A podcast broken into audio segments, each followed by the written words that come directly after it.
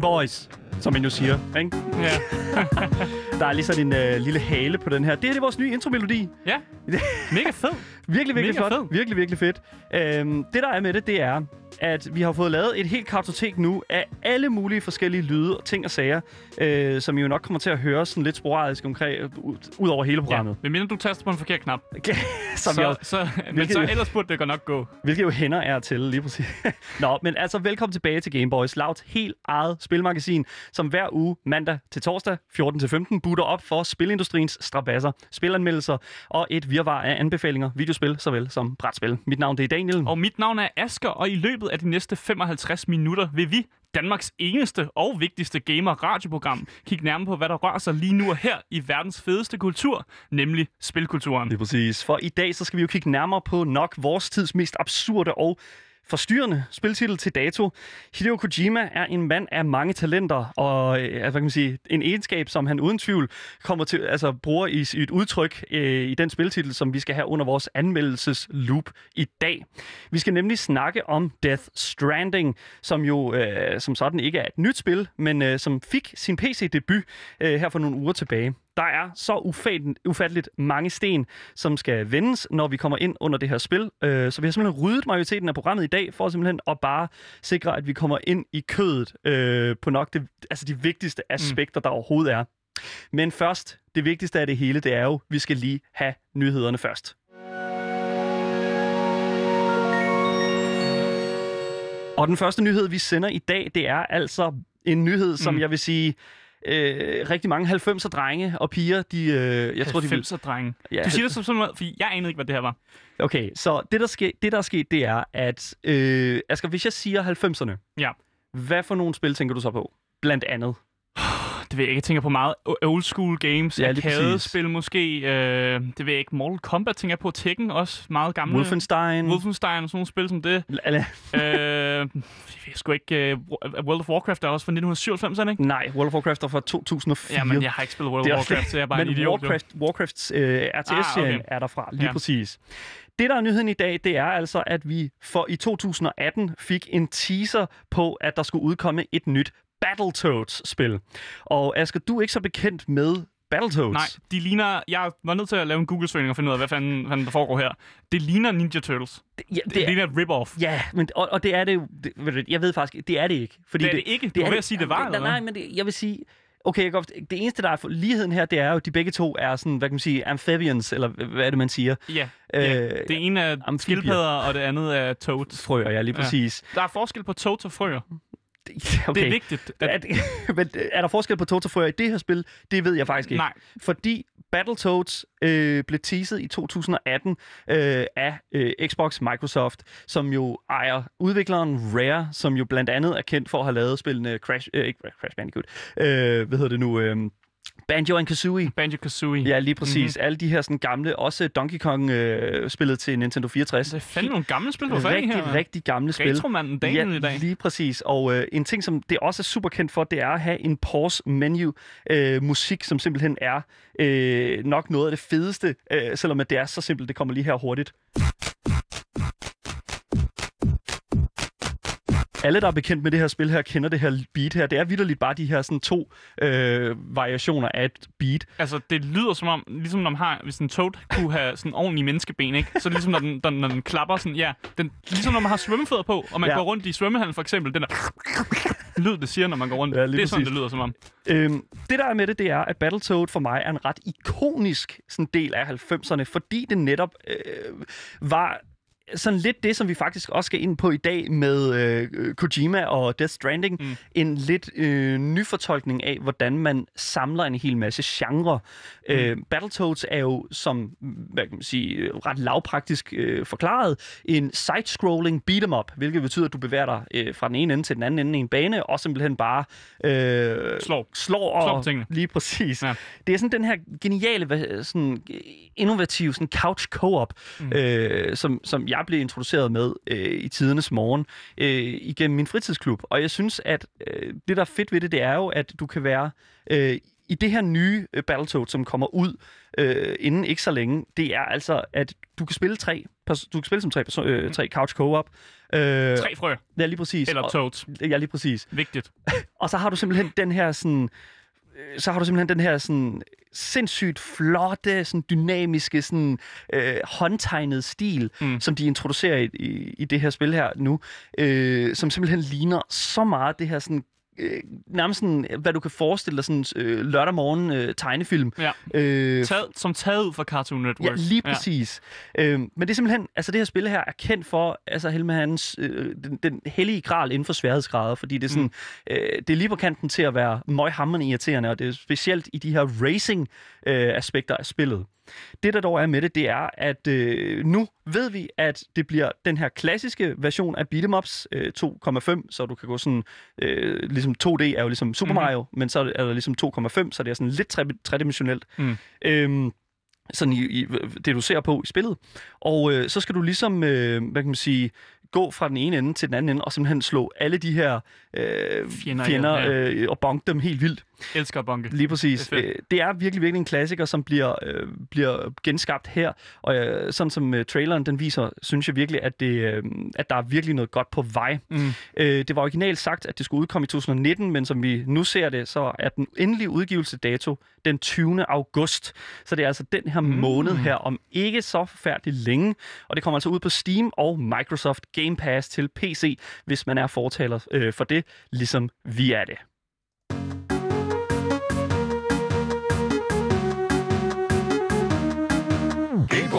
Ja, og i dag så er vi i Kojima-hjørnet. Hideo Ja. Koji- Vi er nogle rigtige Hideo Kojima-fanboys i dag, og den her historie er også fra det univers, hvis man kan sige Det er sådan. i hvert fald det hoved. Ja, øh, nu skal jeg høre, Dan, har du spillet Metal Gear Solid? Nej, Ingen af spillene. ingen af Okay, spillene. jeg har spillet femmeren. Ja. Øh, og det er også hele den her historie roterer omkring. Fordi i Metal Gear Solid 5, så kan man have den her ba- base, man styrer de her Diamond Dogs, den her sådan lidt mercenary gruppe, man har. Ja. Øh, og der kan man jo opbygge sin base og sådan noget, og man kan, ja, ja, få en masse våben og sådan noget. Og en af de våben, man kan få, man kan købe nuclear weapons. Mega fed. Ah. Yes. Det er mega gode våben at købe. De giver åndssvagt meget skade. De er rigtig gode til at beskytte basen. Det giver meget god mening også et eller andet sted. Ja, nuclear weapons, really good. Men der er en sjov achievement, hvis alle spiller online. De, altså ligesom, øh, altså deleter, altså destroyer deres nuclear weapons. Altså nedruster. Ikke, ja, nedruster, altså ikke har nogen nuclear weapons. Mm. Så sker der en sådan achievement. Alle får en achievement, og der kører en masse cutscenes, som, som så Mm. kører. Øh, og det har der altid været, og man har fået at vide, at det kan ske. Men det er bare meget usandsynligt, det sker, fordi det er alle mennesker online, der skal blive enige om, at nu nedruster vi. Nu nedruster vi, og Ja. det er jo, det, folk tænker jo bare sådan, okay, men det er jo bare en aftale, der skal ligge et eller andet sted på Reddit eller Twitter ja, men eller der er den altid slags. der er jo sådan nogle trolls, som Ja. har nuclear weapons et eller andet sted. Lige præcis. Den her cutscene, som bliver øh, aktiveret, når alle på serveren nedruster deres atomkraft, øh, atombomber, øh, den, blev, øh, den, den blev triggeret i Mm. faktisk tilbage i 2018, men af hackere. Mm. Øhm, så det, det var jo på sin vis Det tæller ikke. Det tæller ikke Nej. rigtigt. Øh, men nu er det altså vist sig, at, øh, at det simpelthen er sket. lykkes. Det er på, på legitimate, altså på virkelig legitim Mm. øh, vis, har vi simpelthen formået at nedruste hele, øh, i hvert fald, øh, hele atomarsenalet øh, på en server Ja, på, på PlayStation 3. Det er på PlayStation 3. Ja. Og, og nu skal det altså lige siges, der er... Øh, Der er ikke så mange, der bruger PlayStation 3'eren længere. Nej. Øh, så det her har primært noget at gøre med, at der ikke er så mange spillere online, og Ja. så har det været nemt for dem, der så var endelig var online, at nedruste, og simpelthen få trigget den her, de her, den her mængde af de her cutscenes, der er. Ja. Øh, så, så det skete, og flot til dem. ja, for lige at, hele, at sætte det hele op i øh, sådan en, øh, hvad kan man sige, altså, for, for lige at sætte det i størrelses øh, Ja. her, så er det jo, at på øh, Steam, folk der er spillet på Steam, øh, der har de målt det til, at der er 19.262 øh, atombomber. Mm. Øh, på PlayStation 4 er der 2.494, og her kommer så grunden til, at det var muligt på PlayStation 3. Der var altså kun 52 atombomber på PlayStation 3. Så det var jo til at, at, at, at, formå at gøre, ikke? Ja, det kan man godt lige skille sig af med. Ja, lige det, præcis. det tænker jeg godt. Ja, vi siger stort tillykke til dem, der har formået at hvad kan man sige, gøre, lave den her store fredsaktivitet. Hvor er I dygtige. Simpelthen Ja. fantastisk. I får et horn herfra. Sådan. Skide godt. Vi, ja, lad, lad os, det var nyhederne for i dag. Ja. Uh, lad os se at komme videre ind i det helt store uh, review.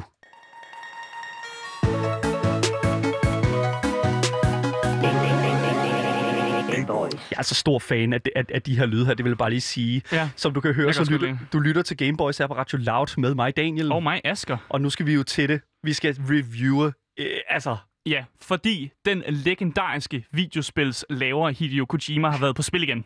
Med endnu en, altså en mærkelig titel, som, øh, som vi sikkert faktisk skulle bruge en hel episode på, bare for at altså, komme rundt om historien Ja. og alle de her elementer af narrativet. Ja. Øh, for det er en mega knudret historie, og et mega knudret spil i sig selv, mm. øh, som altså, nogen beskriver som et mesterværk, og andre beskriver mere det som en 40, 40 plus timers lang øh, walking simulator. Ja. Øh, fordi vi skal nemlig snakke om en titel, som altså for nylig kom ud her til PC den 14. juli, men som jo faktisk blev released til PlayStation øh, den 8. november 2019. Så det er jo et, et der, der, er, der er lidt øh, tyngde på spillet her, men det kom jo for nylig ud på PC, og der har jeg spillet det, fordi jeg var sådan, at nu skal det fandme prøves. Det er et Hideo Kojima-spil. Det kan jo kun være godt, ikke? det kan kun hvert Hvis det være ikke er den, den walking simulator, som, som også er blevet lidt solgt til. Ja. Ja. Øh, fordi vi skal nemlig snakke om spillet Death Stranding. First of March, it's clear to me there's something that's uncomforting. Your body is away with me, but I'm exactly where I wanna be. But I'm a long way from home.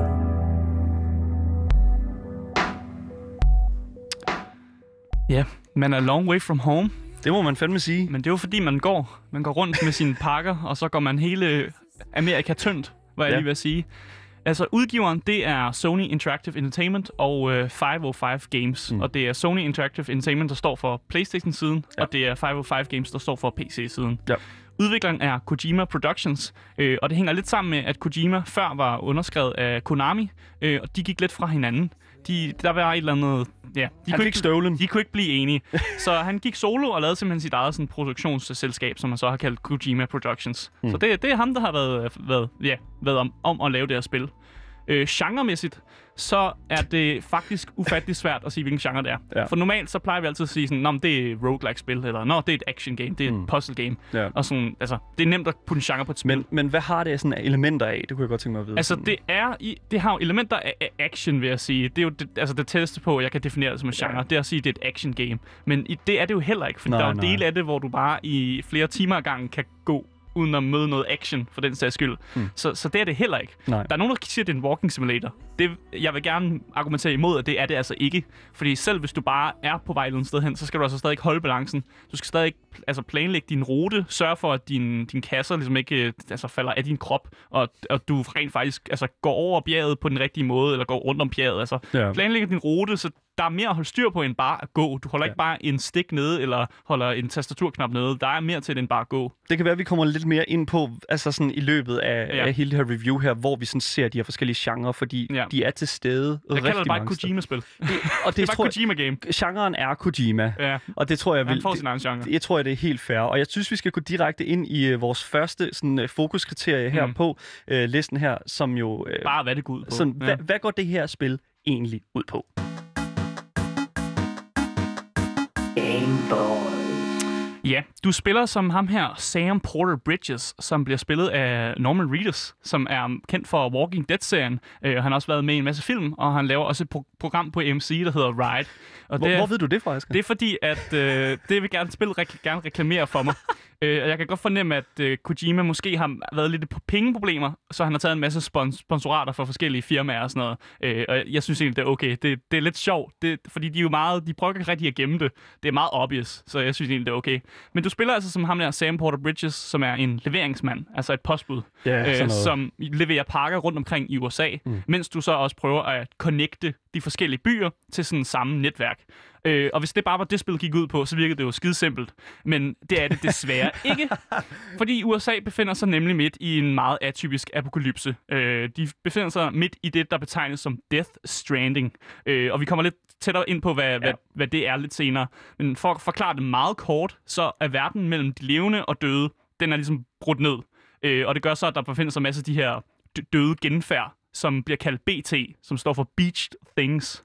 Øh, ja, det er igen meget, meget Det- abstrakt koncept. Det, det, det er sådan en ting, som jeg lige hurtigt vil pointere. Det er sådan, øh, igen, det der gør det her til et Kojima-spil. Ja. det er simpelthen... Jeg har aldrig set sådan noget før. de her navne her det er er simpelthen bare... hv- Hvad du ser, Mm. det er tit og ofte det, som, som navnet er. Ja. Og øh, vi kommer selvfølgelig ind på det, når vi snakker om alle karaktererne og den slags. Mm. Men igen, her synes jeg virkelig, at vi ser øh, en, en, en, en hovedtaler for, at det er altså et Kojima-spil, Ja, det her. for hver ting, Kojima putter ind, har en mening. Altså, Ja. der er noget symbolik til alting, der er i det. Ja. Men, men det er vigtigt at lige huske på, det er, altså, de her genfærd, de gør det egentlig bare svært at levere sine pakker, fordi de begynder jo at tage fat i dig og ja, slippe dig afsted og gør, altså, vil gerne slå dig ihjel. Og det er jo ikke så fedt, når man skal levere pakker. Øh, men det er så ikke den eneste nederen ting i verden, fordi Daniel, hvad er ellers mega nederen, øh, når du skal vandre store afstande med en masse pakker på ryggen? Altså det er, at øh, min drikkedunk med Monster Energy Drink, øh, den simpelthen, øh, den simpelthen løb tør. Ah, Hold op. ja, øh, man har en drikkedunk med, som faktisk er fyldt med Monster Energy Drink. Og nu tænker folk sikkert, det kan ikke være rigtigt. Du siger bare for sjov, at den er fyldt med Monster Energy Drink. Men det er rigtigt nok. Der står, at den, den er fyldt med Monster Energy Drink, og det står på dit natbord også, når du vågner op om morgenen og sådan noget. Så det drikker han, når han er ude. Øh, men det, der er mega nederen... Jeg, det, det, jeg, jeg kan bare ikke forstå det. Prøv lige, jeg skal lige høre igen. Ja. Hvorfor helvede er det Monster Energy Drink? Det, jeg ved, han er bare sponsoreret af Monster Energy Drink, tror jeg. Ellers så kan han godt lide det. Måske kan Kojima godt lide det. Fordi han kan godt lide at putte ting i sit spil, han godt kan lide. Det, det er lige meget. Men det der, det der er mega nederen, som jeg prøver at sige, det er ikke nederen, du har om Monster Energy Drink med. Det kan jeg godt lide. Det er fedt. Vi, nu ser vi det for mange gange. Folk tror, vi er sponsoreret. Stop. Hvad, der var Nej, med... stop. Stop. Det er mega... Prøv at høre, prøv, prøv at Hold nu høre. op. Ved du, hvad det her er? Nej. Ved du, hvad det her er? Jamen, det, det, her, det, her, det er vores sponsoratkontrakt med. Monster Energy Drink. 250.000 kroner Ja. Ud af vinduet Ja. lige nu. Jeg vil gerne lige sige, at Daniel bare står med et helt normalt stykke papir. Ja, det, det er så den officielle historie. Okay, Men ja, det, me- det er mega nederen i Death Stranding, det er regnen. Og ved du, hvorfor regnen er nederen? Det er, fordi regnen den er fyldt med noget, at den, den hedder noget, der hedder Timefall. Og Timefall gør simpelthen, at du bliver ældre. Så hvis regnen rammer dig, så bliver du ældre. Og det, det tager dig et minut for at blive til et, et tørt stykke træstamme. Ja, og, Ligesom, det, og det er en hel ja. del elementet af spillet, fordi du har jo selvfølgelig en masse pakker på ryggen, som bliver ramt af den her regn, og det gør jo så, at det ruster. Så du skal jo sørge for at komme sted hen, hvor der ikke er regn. Så du skal kigge på weather patterns og sådan prøve, prøve at komme under ting, ind i huler og sådan noget, hvor der ikke er regn. ligesom at bo i Danmark, ikke? Så lige hver eneste gang, Ja. du skal bevæge dig ud, så er det altså bare med at gøre sig klar, have regnslaget på og øh, paraplyen og den Ja, slags. ellers så dør du. Ja. Øh, så, så det, det er sådan, det er. Så galt er det ikke i Danmark, vil jeg sige. Nej, men udover den her regn, så er der også andre ting, som er mega nederen. Hvad, hvad tror du ellers kunne være mega nederen, når du er levere dine pakker, og du skal tværs over USA? igennem- Vådfødder. Våd, vådfødder. Ja. Det er ikke så meget et stort problem her. Nå. Øh, jeg tænker mere sådan terrorister. Selvfølgelig. Ja, terrorister, der What? prøver, terrorister, der prøver at stjæle dine pakker øh, og slå dig ihjel. Øh, det er selvfølgelig et kæmpe stort problem. Så hvad gør man med det? Øh, ja, dem kan man selvfølgelig gøre en masse ting med, men man må ikke slå dem ihjel. Øh, det er også en lille detalje, som What? vi kommer ind på senere. Det, Okay. det er ja. også en hel ting. Så man, man må ikke slå terroristerne ihjel, selvom man måske godt kunne have lyst til det, og det virker som den mest normale ting at gøre. Men det Ja. må du ikke. Du må ikke slå dem ihjel. De, må, Okay. gerne, de må gerne slå dig ihjel. Det, det, den logic applier ikke til dem. Øh, men det er en ting, vi, vi kommer ind på øh, senere. Ja. Men hele essensen af det her spil, det handler ind om at planlægge din rute og tage det rigtige udstyr med på den rejse, du skal. Og hvis du så tager en flad rute, så kan du måske tage en bil med, mm. øh, have ting i bilen selvfølgelig. Og hvis du skal over et bjerg, så tager du selvfølgelig udstyr øh, med, som kan få dig over bjerget, og måske har en mindre oppakning med. Mm. Og det er egentlig, hvad spillet går ud på. Super. Altså meget, meget kort Meget fortalt, kort. vil jeg sige. Fordi Meget det, kort. der er jo så mange aspekter af det her spil her. Ja. Men, men nu har vi sådan helt, øh, helt sådan, hvad kan man sige, øh, gru- nu har vi grundlinjen for... Du er en badass postmand. Lige præcis. Du er det ultimate postman, Per. Lige præcis. Så jeg synes bare, nu skal vi gå ind i øh, vores overall tanker omkring det her spil, fordi at øh, der, vi har en smag i munden, og jeg vil Mm. sige, den kan vi lige så godt bare øh, komme ud med nu. Game, game, game, game, game, game, game, game boys. Yes, det her spil er virkelig sådan et hit og miss spil, tror jeg. Jeg tror, der er nogle folk, der virkelig er sådan et, fuck, hvor er det nederen, jeg går bare rundt med pakker. Ja. Og så er der andre, som synes, det er et mega hit. Øh, for eksempel mig. Fordi at jeg kan godt se, at der er blevet lagt ufattelig meget arbejde i historien, men også, at der er det her element af planlægning, som jeg godt kan lide. Øh, og som person, der hader puzzles, så kan jeg godt lide strategispil, og jeg føler jo mere, at det er et strategispil, når jeg skal planlægge, hvad jeg skal have på, og alle de ting, ting altså, ja, jeg skal gøre, når jeg planlægger. Og jeg elsker ligesom bare at, at, at sidde og kigge på det, og, og prøve ligesom at udfordre mig selv med at tage så mange pakker, jeg overhovedet kan tage, altså, kan, kan tage på, samt med at jeg også har mega meget udstyr med, og jeg overplanlægger helt vildt meget. Så min, øh, min Sam har altid et kæmpe stort højt tårn af pakker, han har med. Øh, og det synes jeg egentlig bare er skægt, at jeg kan have så mange ting med, og derved også levere flere pakker og, og få flere af de her likes, som man får i spillet, Ja. som er ligesom likes, man får på Facebook egentlig. Det er den currency, de bruger, fordi det, altså, det er jo en apocalypse, så man bruger faktisk ikke rigtig mønter og penge længere. Man får Prøv- bare likes. Prøv seriøst at overveje, at det sådan, fordi jeg, jeg, jeg mindes faktisk, at jeg har set en Black Mirror sådan episode omkring det her med, at man kan like hinanden, Mm. øh, og det er altså det, det, den kulturelle status, du har alt efter, hvor mange der har liket dig. Ja. Og der kommer jeg sådan til at tænke på, sådan, prøv at overveje, hvis det var den der sådan currency i virkeligheden. Mm. Sådan, sådan et virkelig, virkelig dårligt tri- øh, sådan TripAdvisor review, det er bare sådan, du er For- ruineret. Ja, ja, men jeg tror også, det hænger noget sammen med, i den her verden, der er, altså, de fleste mennesker er døde. Ja. Så ressourcer er ikke rigtig noget problem længere, så du behøver ikke rigtig kunne købe noget længere, og folk kæmper lidt imod altså, elementerne af, apo- af apokalypsen sådan samlet set. Så folk er godt blevet klar over, at vi behøver ikke det monetære sy- system længere, men har mere sådan et like-system, som stadig giver de der dopaminer, øh, som man jo får, når man får et like på Facebook og Ja. på sociale medier. Og det gør spillet også meget klart tydeligt, at det er, det er meget vigtigt med de her likes, fordi så kan folk jo give positiv feedback til hinanden. Mm. Men det bare lige for at vende tilbage til overall-tanker med spillet. Altså, jeg kan godt se, hvorfor det ikke appellerer til nogle spillere, fordi du går jo, altså når du går fra A til B, uden at der faktisk sker noget, så altså, det kan godt nemt tage 30 minutter, hvor du går, og der faktisk ikke sker noget, og det vil mm. folk måske synes, det er kedeligt, de vil gerne have, at der er noget action, eller, eller der bare sker et eller andet. Og så vil jeg jo gerne argumentere for, at, at det er okay, at der ikke sker noget. Så kan man nyde landskabet. Man kan fokusere på, hvor man er på vej hen. Mere fokusere på, at, at, hvordan man kommer over de udfordringer, man møder i i form af landskabet, som Ja. er udfordringen. Så det er jo ikke som sådan spillet, der er en udfordring. Det er den rute, du har planlagt, som er udfordringen, som hele tiden holder dig i skak, vil jeg sige. Ja, fordi det, som jeg føler, det her spil gør rigtig, rigtig godt, det er nemlig det der med at udfordre dig, men ikke sådan nødvendigvis på, på, på, på de måder, som du normalt. Mm. altså sådan troede, at, at at den her, det her type medie her vil overraske dig. Og det er faktisk det, som jeg faktisk gerne vil ind i nu, Mm. øh, som jo nemlig er narrativet, og det er jo i det her spil, hvor jeg føler, at narrativet præcis er, Mm. hvad der overrasker. Game Boys. Så det var ret hurtigt en. Jeg kan øh, godt lide den. Ja, den er rigtig... Game Boys. Game Boys. Øh, narrativet. Ja. Narrativet er jo, er jo det, som der driver historien. Det, det, som, det er jo vigtigste del af spillet. det, jeg det sige. siger du jo, ja. Ja. men der er jo, sådan som, som, som jeg ligesom har, når jeg ligesom har læst op på det her spil her, mm. øh, fordi det skal jo siges, at det er dig, der har spillet hovedsagen, øh, altså, hvad sådan, Jeg var hugt. Jeg er fucking Ja. hugt. Jeg har over, jeg tror, jeg har 70 timer spillet. ja. Øh, og et gameplay tager cirka 40 plus timer, så Ja. ja. jeg har allerede mere end det, der er anbefalet, man spiller. Lige præcis. Det, som jeg synes, der skal siges omkring narrativet i Death Stranding, det er altså, at, at hvis det er sådan, vi bare tager sådan et spil som for eksempel Red Dead Redemption Mhm. 2, ikke?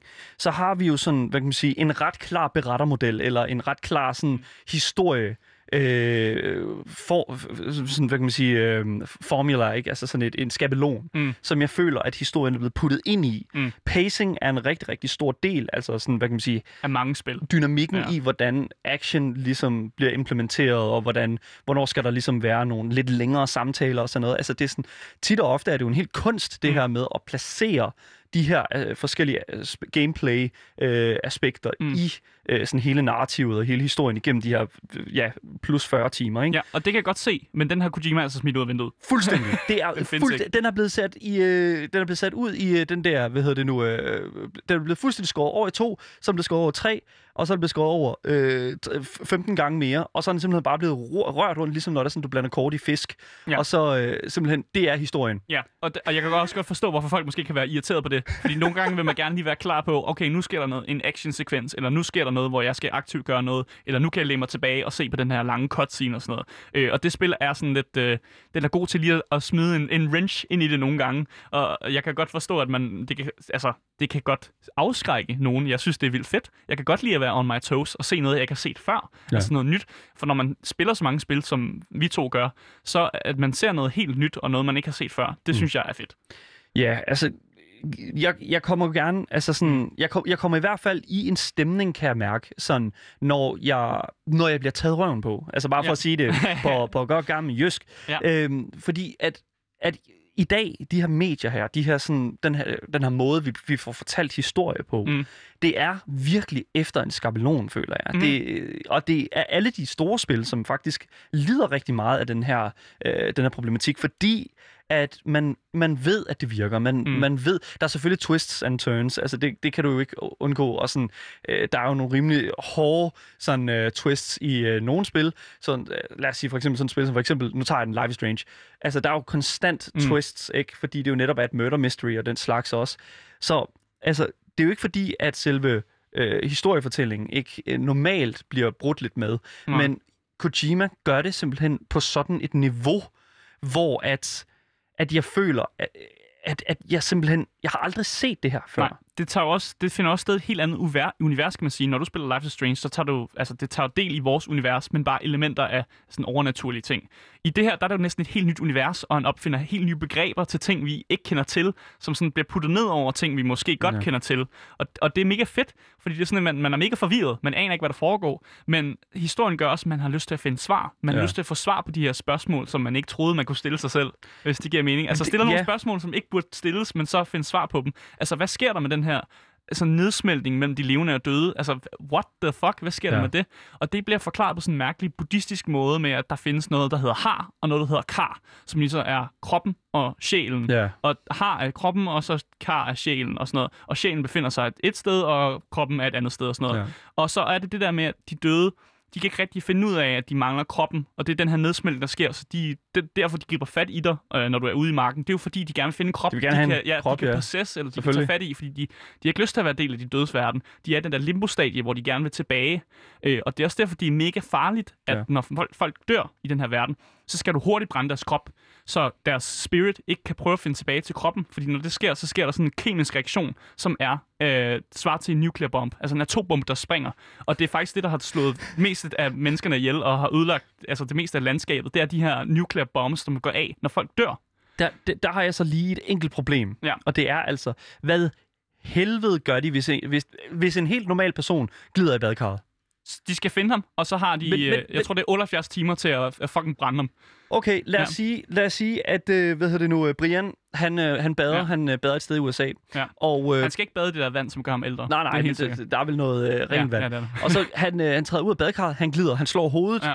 Brian er død. Ja. Hvad sker der? Hvordan i alverden sikrer de sig, at den krop, den bliver fundet?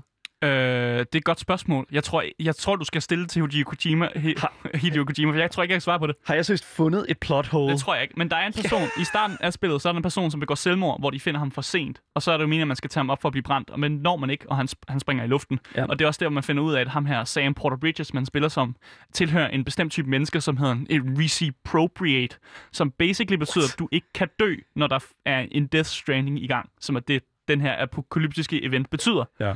Og det er jo bare en clever måde at forklare dig på, at når du får dit game over og siger restart, så er det faktisk kontinuerligt med, at din krop, du vender tilbage, sjælen ind i kroppen, og så ser du sådan en lille baby, der mm. siger, hey, du er okay. Og så Sådan, får du eller viser sin mås. Ja, ja, ja, det sker nogle gange. Ja, så det, det, som jeg synes, der er interessant her, det er jo, at det er jo et det er elgamle spørgsmål, mm. øh, hvordan et videospil ligesom adresserer øh, død på. Ja. Øh, spilleren dør. Mm. Øh, nogle spil, de siger bare, didn't happen. Han, Det skete ikke. Hideo Kojima har legit lavet et helt spil, bare på grund af den ene mekanik, han vil prøve at forklare. Ja. Det, og det er jeg ret sikker på. Og det er, jo det, som, det er jo det, som jeg synes er super interessant. Ikke? Øh, jeg ved, at øh, lige nu i World of Warcraft er de jo i gang med at lave en hel expansion omkring udødeligheden i World of Warcraft.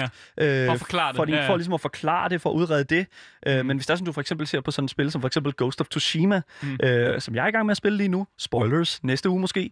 Øh, Måske. Ja, Okay. det kommer helt an på, hvor, hvor, hvor glad jeg er for det. Nå, men det der er med det, det er, at der er det ikke forklaret. Der er det bare slut. Mm. Og genstart igen fra næste checkpoint. Ja. Og der er det jo, altså... Jeg synes, det er fedt, når der er sådan, at kreativiteten i mm. Mm. udvikleren ligesom skinner igennem og prøver at adressere noget så, øh, noget så mobilt et eller andet Ja. sted, som, som for eksempel døden, ikke? Mm. De Ja. har også en mega fed forklaring på fast travel. Der er den her karakter, der hedder Fragile. Øh, og hun har et, et level af det, der hedder Dooms, som gør, at man kan ligesom være i kontakt med de forskellige dødes, niveauer af af, de dødes, af de dødes verden. Ja. Og hun er i så kontakt med hendes, hendes døde verden, at hun kan rejse igennem hendes, Ja. ja. det der hedder Beach, som er det limbo-stadium mellem død og levende. Ja. Der kan hun gå på den og gå et andet, og så appear et andet sted, og simpelthen teleportere sig. Så når man skal fra A til B, så spørger man lige hende om hjælp. Så det er den måde, Men- det er sådan, de forklarer fast travel på. Ja, fordi fast travel er jo det der med, at du vidderligt altså, rejser et sted hen Ja. med det samme, uden at du sådan skal mm. Gå derhen. Og Du kan ikke få pakker med, desværre. Nej, og det er jo, det er jo, fair. snyd. Det Det er jo også snyd. lidt sådan, ikke? Altså, det, det giver jo ikke rigtig mening. Men altså, der vil jo ikke rigtig være noget spil, jo. Men. Mm. det, som, det, som jeg synes, der er rigtig fedt også ved fast travel, det er jo, at øh, det er jo blevet en større og større ting i øh, de her open world-spil, fordi mm. De li- udviklerne ligesom anerkender, at der er nogle dele af spillet, som selvfølgelig er super interessant, øh, specielt med, med, med Death Stranding, hvor det er sådan, at, at det er en oplevelse at, ligesom Mm. at, at gå med de her pakker her. Mm. Men det er ikke altid, at man lige har lyst til at tage den der tur der. Ja. Og der synes jeg bare, det er fedt, at de ligesom har, eller han ligesom har, har udtænkt den her sådan øh, lore, eller den her worldbuilding øh, mm. del, som er, at der er nogen, der kan det her. Ja. Og det giver ligesom lidt mere dybde til den her fortælling om, at Mm. der er meget diversitet i, hvordan øh, det okulte, det ligesom er blandet sammen med øh, videnskaben. Ja, Jeg- fordi der er ja. en masse sådan noget pseudoscience med i det. For Eller de, de prøver jo at præcis. være rigtig sådan science, science med det, de har i spillet. Vi- vi- Science fiction Ja. vil jeg jo faktisk også godt våge at påstå, det Mm. mm. er, men, men det er lidt svært, fordi at, at jeg føler, som du sagde i starten, det der med, at der er meget virkelig verden i det. Mm. Jeg ikke, ved ikke helt, om jeg er helt sikker, øh, helt øh, enig i, at, at det ikke er på samme måde, ligesom øh, for eksempel Life is Strange, hvor at det er virkelig verden med ekstra ting i, sådan legendar myter og sådan, altså Mm. magi og den slags. Fordi det føler jeg stadig lidt, det er. Jeg føler Jeg bare, synes, at det landskabet er sådan, det, det, det ligner Island. Det er ikke USA, Ja, det her nej, jo. jeg ved det godt, jeg ved det godt, men Ja. altså, det jeg føler, der er med det, det er, at, at vi ved jo, altså, det der, plate tectonics, ikke? Altså, hvad Ja. kan man sige, øh, verdens, eller de der sådan øh, klode øh, plader der, Mm. øh, tektoniske plader, som altså, de kan lave rigtig, rigtig meget ravage i en, øh,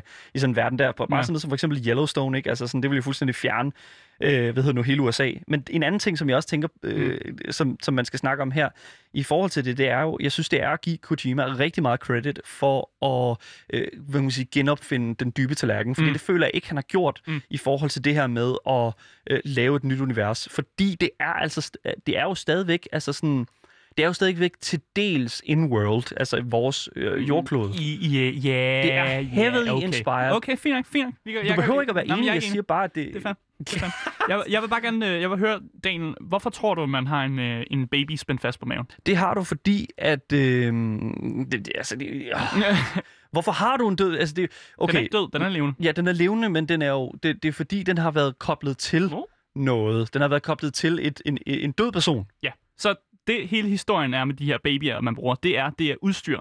Mange af de her portals, som de hedder, dem der leverer pakker, de bruger de her babyer som, som en del af deres udstyr. Øh, og de øh, hedder BB's.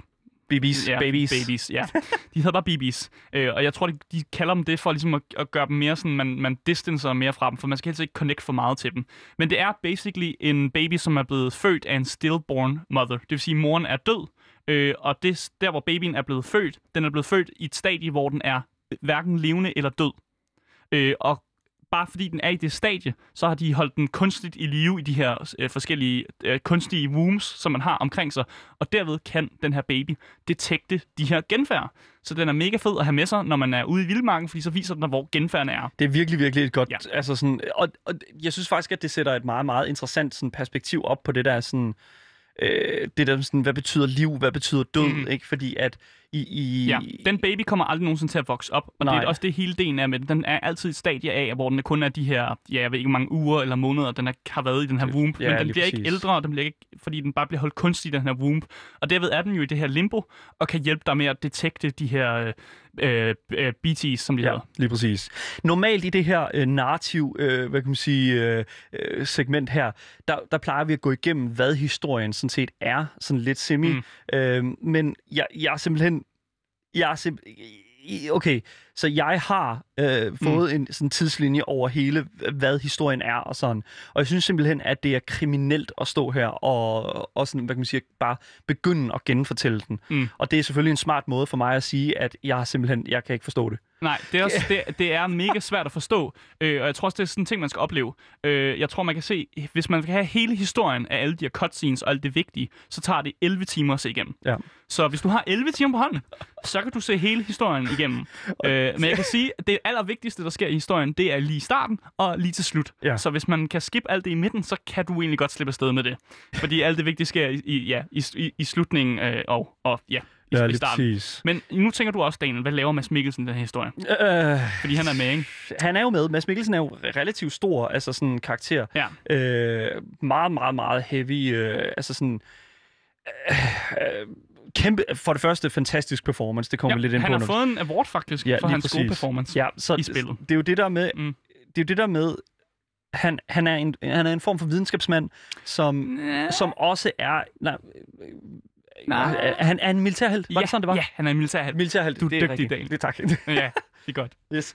Øhm, men, men Mads Mikkelsen er, har jo, øh, hvad hedder det nu, øhm, det er jo, jeg, jeg ved ikke, hvor meget vi skal spoile det her, men øh, altså sådan, Øh, i forhold til sådan hans... Jeg kan lige så godt sige til dig, Motivation. at du ved først rigtig, sådan, hvad hans mål er til sidst i spillet. Øh, I starten, øh, altså jeg har spillet de her, ja, jeg ved ikke, 70 timer spillet, og jeg tror, at altså, i 60 timer af spillet, der anede jeg ikke, hvad fuck han lavede. Øh, og jeg vidste bare, at man skulle skyde på ham, når man så ham, fordi man var i de her mærkelige warzones, hvor han var the bad guy. Ja, lige præcis. Øh, man finder måske ud af, at han ikke er helt så bad alligevel. Ja, lige præcis. Og et af de tidspunkter, der er i, øh, i spillet, jeg tror faktisk, vi har spillet øh, den her, det her lydklip før, Mm. det er øh, på et tidspunkt, hvor der, er sådan, at, der kommer de her flashbacks, for hver, hver, hver gang, at du sådan, hvad kan man sige, øh, Kobler til din baby. kobler til din baby, så får du lige sådan et, øh, et, et lille flashback Mm. fra, øh, fra øh, hvad kan man sige, babyens synspunkt, Mm. mm. øh, perspektiv, og kigger på Mads Mikkelsen. Jeg synes lige, vi skal, vi skal spille øh, det lydklip med Mads Mikkelsen, det kommer her.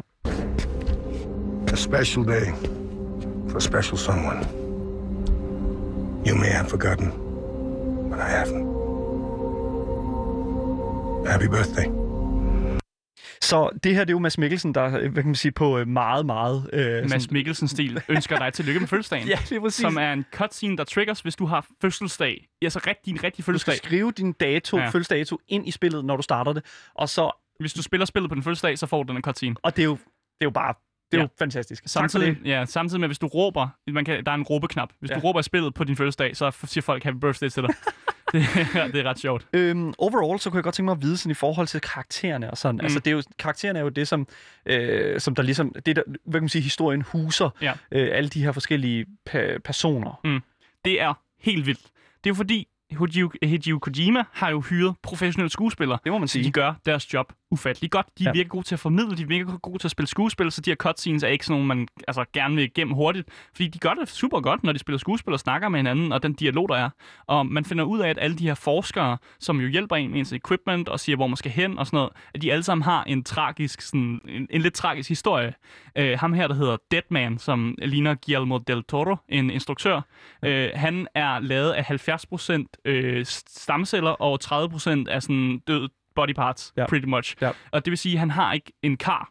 Øh, mange har har og kar. Han har kun har. Han har kun krop. Han har kun ikke, kroppen, Han har ja. ikke nogen sjæl, og derfor kan han ikke rigtig dø. Nej. Øh, og, og derfor er besat med døden, fordi han ikke kan dø.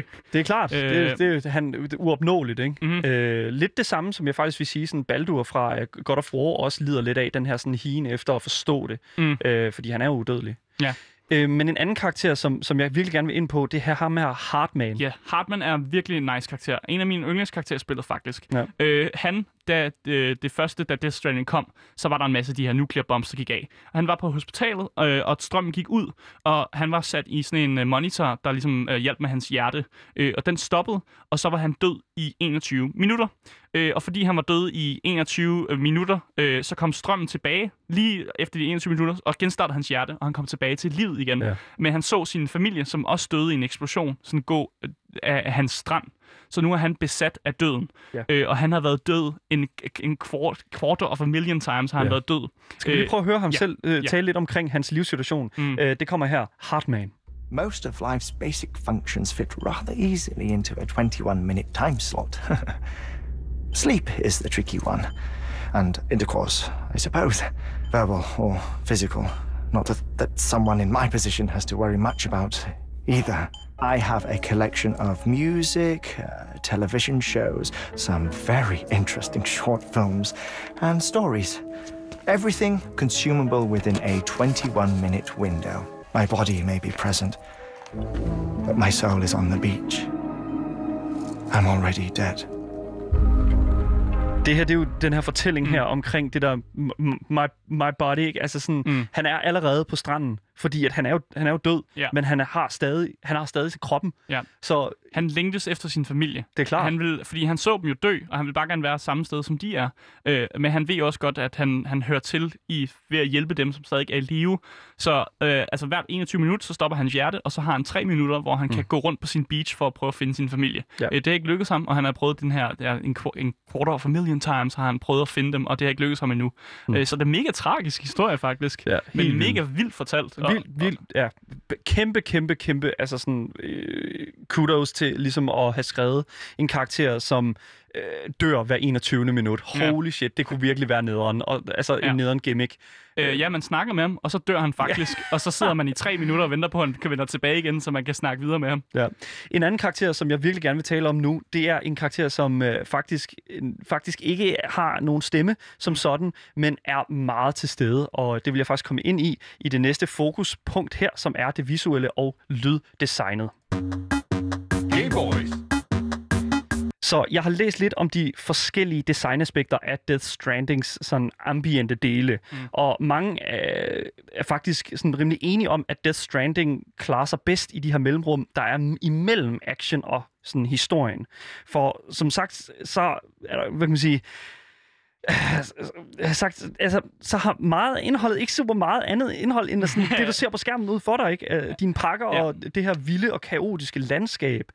Øhm, græsmarker, bjerge, kolde, farlige omgivelser. Det er sådan reelt set, i min optik, sådan den største karakter i det her spil. Mm. Øh, på mange måder, så minder det mig rigtig meget om øh, den måde, som Last of Us 2 øh, repræsenterer sin verden, eller præsenterer sin verden. Mm. Øh, nemlig som, som den her sådan meget ubarmhjertige modgang, der bliver forstyrret af ja, Hideo Kojimas sådan kaos af sådan visuelle knytnæveslag. Mm. Øhm, Udover det, så, så synes jeg, at de her sådan... Jeg, jeg synes helt i bund og grund, Mm. at jeg har aldrig set Mads Mikkelsen i så flot digital opløsning. Nej, jeg synes også, det er ufattelig flot, hvordan de har fået Norman Reedus til at se altså, helt perfekt ud, og man ser Ja. ham godt nok meget, meget bot og meget nøgenhed i ham, men det, altså, det, det ser bare vildt livagtigt ud. Ja. Øh, og det altså, visuelt set, altså man kan sige, hvad man vil om historien og gameplay, det kan man sige, hvad man har lyst til om, om det er mesterskab, altså mesterværk eller ej. Mm. Men det visuelt, det er altså en 10 ud af 10. Altså, landskaberne fucking flotte, og Ja. cutscenes er også mega flot lavet. Du- det visuelt, det, det, Ja. det, det, er sm- det er smurt. Du kan simpelthen ikke, altså, du, du kan ikke sige noget som helst negativt omkring det her aspekt. Mm. Øhm, men man kan virkelig godt mærke, at øh, Kojima virkelig synes, øh, at det er fedt at implementere sådan den her fuldstændig nøjagtige version af skuespilleren. Mm. Han lægger virkelig, virkelig meget arbejde, eller hvad kan man sige, hans team selvfølgelig også, mm. lægger virkelig meget arbejde i at få den der sådan, detalje, få den der sådan, virkelig, virkelig personnære sådan, likeliness. Mm. Og det er jo en ting, som, som der virkelig, virkelig er en stor del af, øh, af spillet. Personers sådan, hvad kan man sige, lighed. Altså, mm. Fordi at øh, Hartman, for, den, for eksempel, mm. han bliver jo spillet af øh, hans, hans udseende. Mm. Øh, det er, hvad hedder det nu? Øhm, Ham, der Instruktøren har af- instruktøren af, Pusher, Ja. øh, han hedder Ref, Reffen, Jakob Reffen eller sådan ja, noget, den tror jeg. danske, Ja. skuesp- øh, den danske øh, Instruktør, instruktør. ja. Og øh, øh, også øh, Del Toro øh, bliver også, øh, hvad kan man sige, er også, ligger også kun krop til hans de, karakter. Ja, de ligger kun krop til, de ligger ikke stemme til. Nej. Øh, og det, det, synes jeg også er et sjovt aspekt, at man simpelthen, det, det, det virker jo som om, det er dem, der snakker, Ja. ja. øh, og dem, der gør de her ting. Men det er en anden stemme, der siger det, men de bliver også præsenteret som, som den, øj, altså, den kopi, de ligner, hvis man kan sige det sådan. Ja, lige præcis. Øh, og det, det ser vildt, vildt godt ud. De ligner jo personen på en brik. Fuldstændig. Altså, det, det, som jeg også synes, det er jo, at en anden ting, som, som- det her spil her gør sindssygt godt, det er, at øh, de har 180's i mm. settings. Ja. Øh, for, for lige at, at sige det sådan, altså sådan fuldstændig øh, at tviste den måde, øh, som spillet ser ud på, Mm. mm. og det sted, som du, du begår dig i. Og det er her, hvor at jeg, øh, hvad hedder det nu, lige vil trække tilbage og sige, øh, at det her, det er altså her, hvor jeg føler, at øh, det lægger sig op til at være vores verden rigtig meget. Fordi mm at vi besøger jo både 1. og 2. verdenskrig samt Vietnam. Ja. Øh, Vietnamkrigen. Og hver gang så møder vi den her sådan meget gritty overflade sådan af sorg og vrede, Mm. øh, blandt andet i form af Mads Mikkelsens karakter. Mm. Øh, det er virkelig, virkelig flot. Og igen, på alle lederkanter, mm. så er det jo fuldstændig vanvittigt, hvor, hvor altså hvor, hvor meget det tilføjer til hele oplevelsen. Mm. Hvis du først er begyndt at lytte med nu, så lytter du altså til Game Boys lidt endnu. Mit navn Mm. det er Daniel. Og mit navn det er Asger. Og øh, vi er altså i gang med at reviewe Death Stranding Vi på PC. ja. Vi er godt inde i det, ja. Jeg vil sige. Øhm, for at komme ind i lyddesignet af det, så vil jeg bare sige en ting, og det er, at jeg lige vil spille et øh, nummer, som hedder Easy Way Out. Heard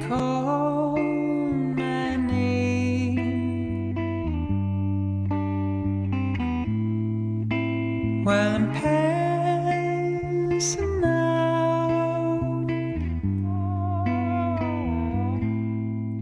Så for, for lige hurtigt at sådan, øh, hvad kan man sige, forklare lidt omkring det her musik her, så er Mm. det jo, at musikken er ligeledes virkelig interessant For i starten så hørte vi jo lidt af, hvad, hvad han, der hørte vi jo det her nummer Bones mm. af det her øh, band, som hedder Low Raw, som var et band, Kojima lyttede til, mens han var ved at researche Ja. øh, sådan det, det visuelle aspekt.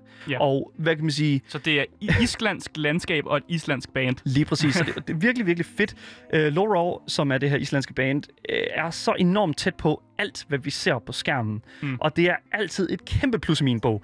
Det er gennemført, og nummeret, som vi hører lige nu, er jo meget passende navngivet uh, Easy Way Out, uh, der jo netop er sådan her betegnelse for, hvad døden jo egentlig er. Mm. Ikke?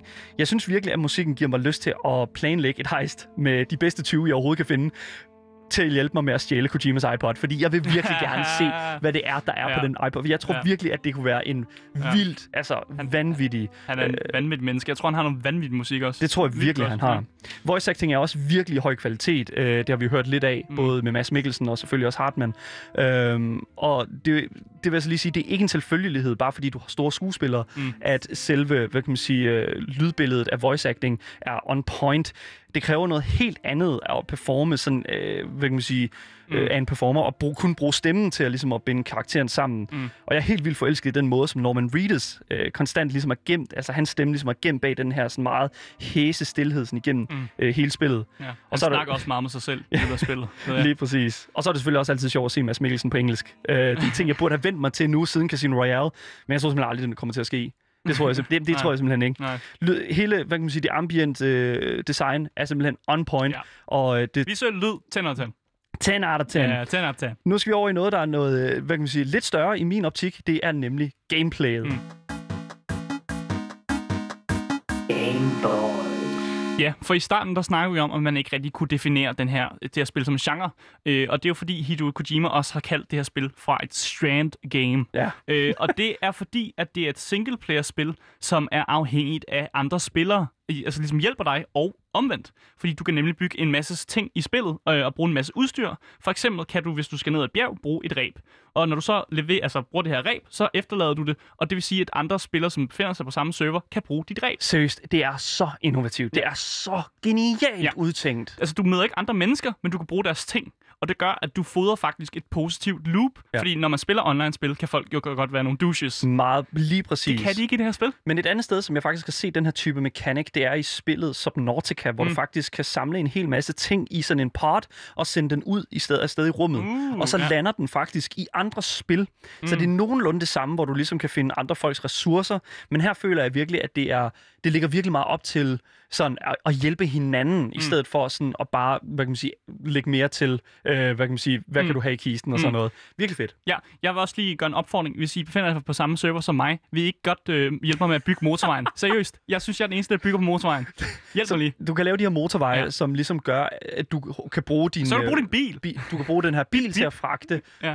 øh, de her pa- pakker rundt. Ja. Og det synes jeg er mega fedt, fordi at det skaber jo så også ligesom...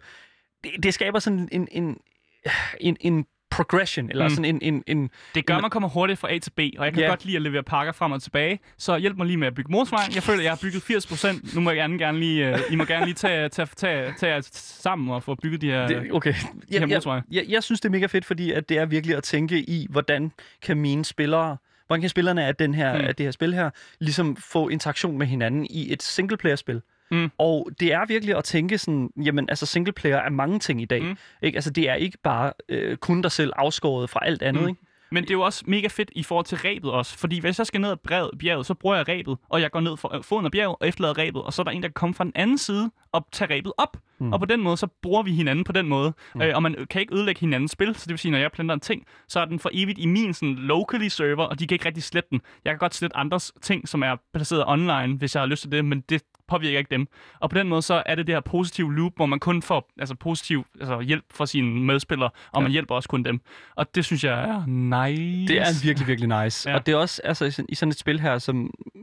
I sådan et spil her, som... som Mm. Altså, hvad kan man sige, som udgangspunkt er meget sådan, du er alene omkring det her problem. Mm. Du er meget sådan, altså det er dig, det her det afhænger af. Du er meget speciel. Der føler jeg virkelig, at det er fedt, at der bliver tilføjet det her, sådan, hvad kan man sige, udefrakommende. Mm.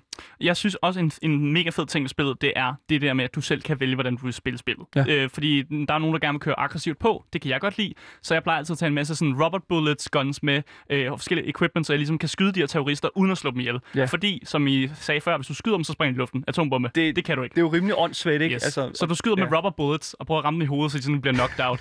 eller du kan også snige op på dem og ligesom prøve at fange dem i ræb, eller du kan kaste med sådan nogle sådan, øh, netagtige guns, som også sådan fanger dem, øh, og give dem stun bombs og sådan noget fedt noget. Det Ja. kan, jeg kan godt lide bare gå igennem terroristernes territorium, men der er måske andre, der hellere vil klatre over bjerget og tage equipment med til ligesom at kunne gøre det, Ja. fordi så skal de ikke igennem terroristernes territorium. Så du vælger selv, om du vil gå flad vej, og så igennem en masse danger.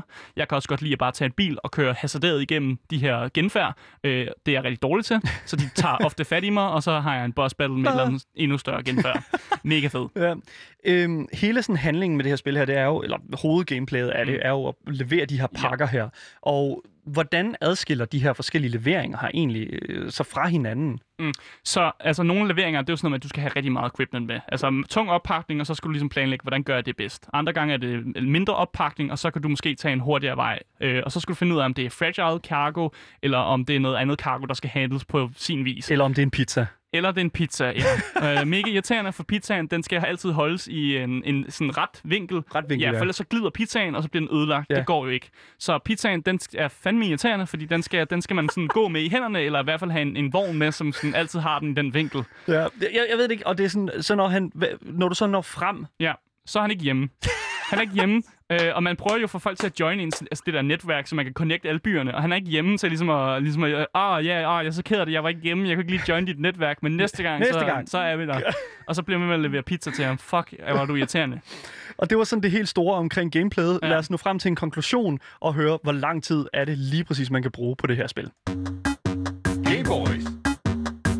Så normalvis så ser du en, øh, et playthrough her på 40-50 timer, men Asger, du siger jo, du er oppe på de der sådan 70. 70 Ja, ja, ja. ja. timer der, så altså, der er virkelig meget kød mm. At tage, på, øh, tage fat i her. Ikke bare historiemæssigt, men også sådan, Levere pizza. levere pizza lige præcis. Ja. Øhm, jeg synes, det vil være virkelig unfair at kigge på Death Stranding på samme måde, som vi for eksempel gør, normalt gør med spil som for eksempel Red Dead Redemption 2, mm. Mm. eller Path of Exile for den sags skyld, som vi også har reviewet. Øhm, de spil er simpelthen en del af nogle meget definerede genrer, og når du sådan kigger på øh, på de her genrer her, Mm. og de spil her, så som for eksempel Red Dead Redemption 2, så har du allerede sådan 20 forskellige formodninger om, hvad det her spil indeholder. Øhm, Jeg smidt ud af vinduet. med, Death Stranding, ja. Der er du simpelthen på bare bund fra første minut, lige til sidste navn i rulleteksterne. Ja. Jeg vil sige, det er sådan et spil, hvor jeg vil ønske, at jeg kunne gå tilbage i tiden, og så genleve det igen. For så godt er det. Ja. Og der, der er mit, det er mit stance. Jamen, det er også fair nok. Jeg, jeg synes, det er virkelig forfriskende, jeg synes. Mm. virkelig, at, at øh, jeg synes, det er virkelig fedt. Jeg elsker virkelig at være forvirret på den her måde her, når man, når man kommer igennem de her spil her, fordi at han har virkelig bare taget det her øh, vanvittige, sådan mærkelige univers mm. og, og simpelthen lavet sin egen genre. Mm. Altså Kojima-genren. Og det er simpelthen nok til, at jeg vil sige, at det her, det er altså 100% værd din tid, mm. hvis det er, at du mangler virkelig øh, en syret rigtig meget tid på kroppen. og virkelig har Ja. en, en syret oplevelse.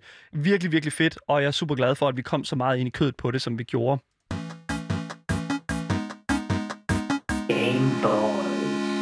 Ja, du har lyttet til Gameboys i dag her med mig, Daniel. Og mig, Asger. Det var alt, hvad vi havde på programmet i dag, og som altid, hvis det er, at du har nogle kommentarer til os, øh, hvis du sidder og brænder ind med nogle spørgsmål, så skal du altså bare skrive til os på vores e-mailadresse gameboys eller kontakte Louds egen Instagram-profil, som hedder radio.loud.dk. Dagens program kommer jo selvfølgelig også ud som podcast overalt, så længe du søger på det gyldne navn, Gameboys. Mm. Øh, det har simpelthen været den største fornøjelse at sende for jer, så jeg vil rigtig gerne sige tak for jeres dyrebare tid. Nu kommer der nyheder, så vi høres ved næste gang. Hej hej.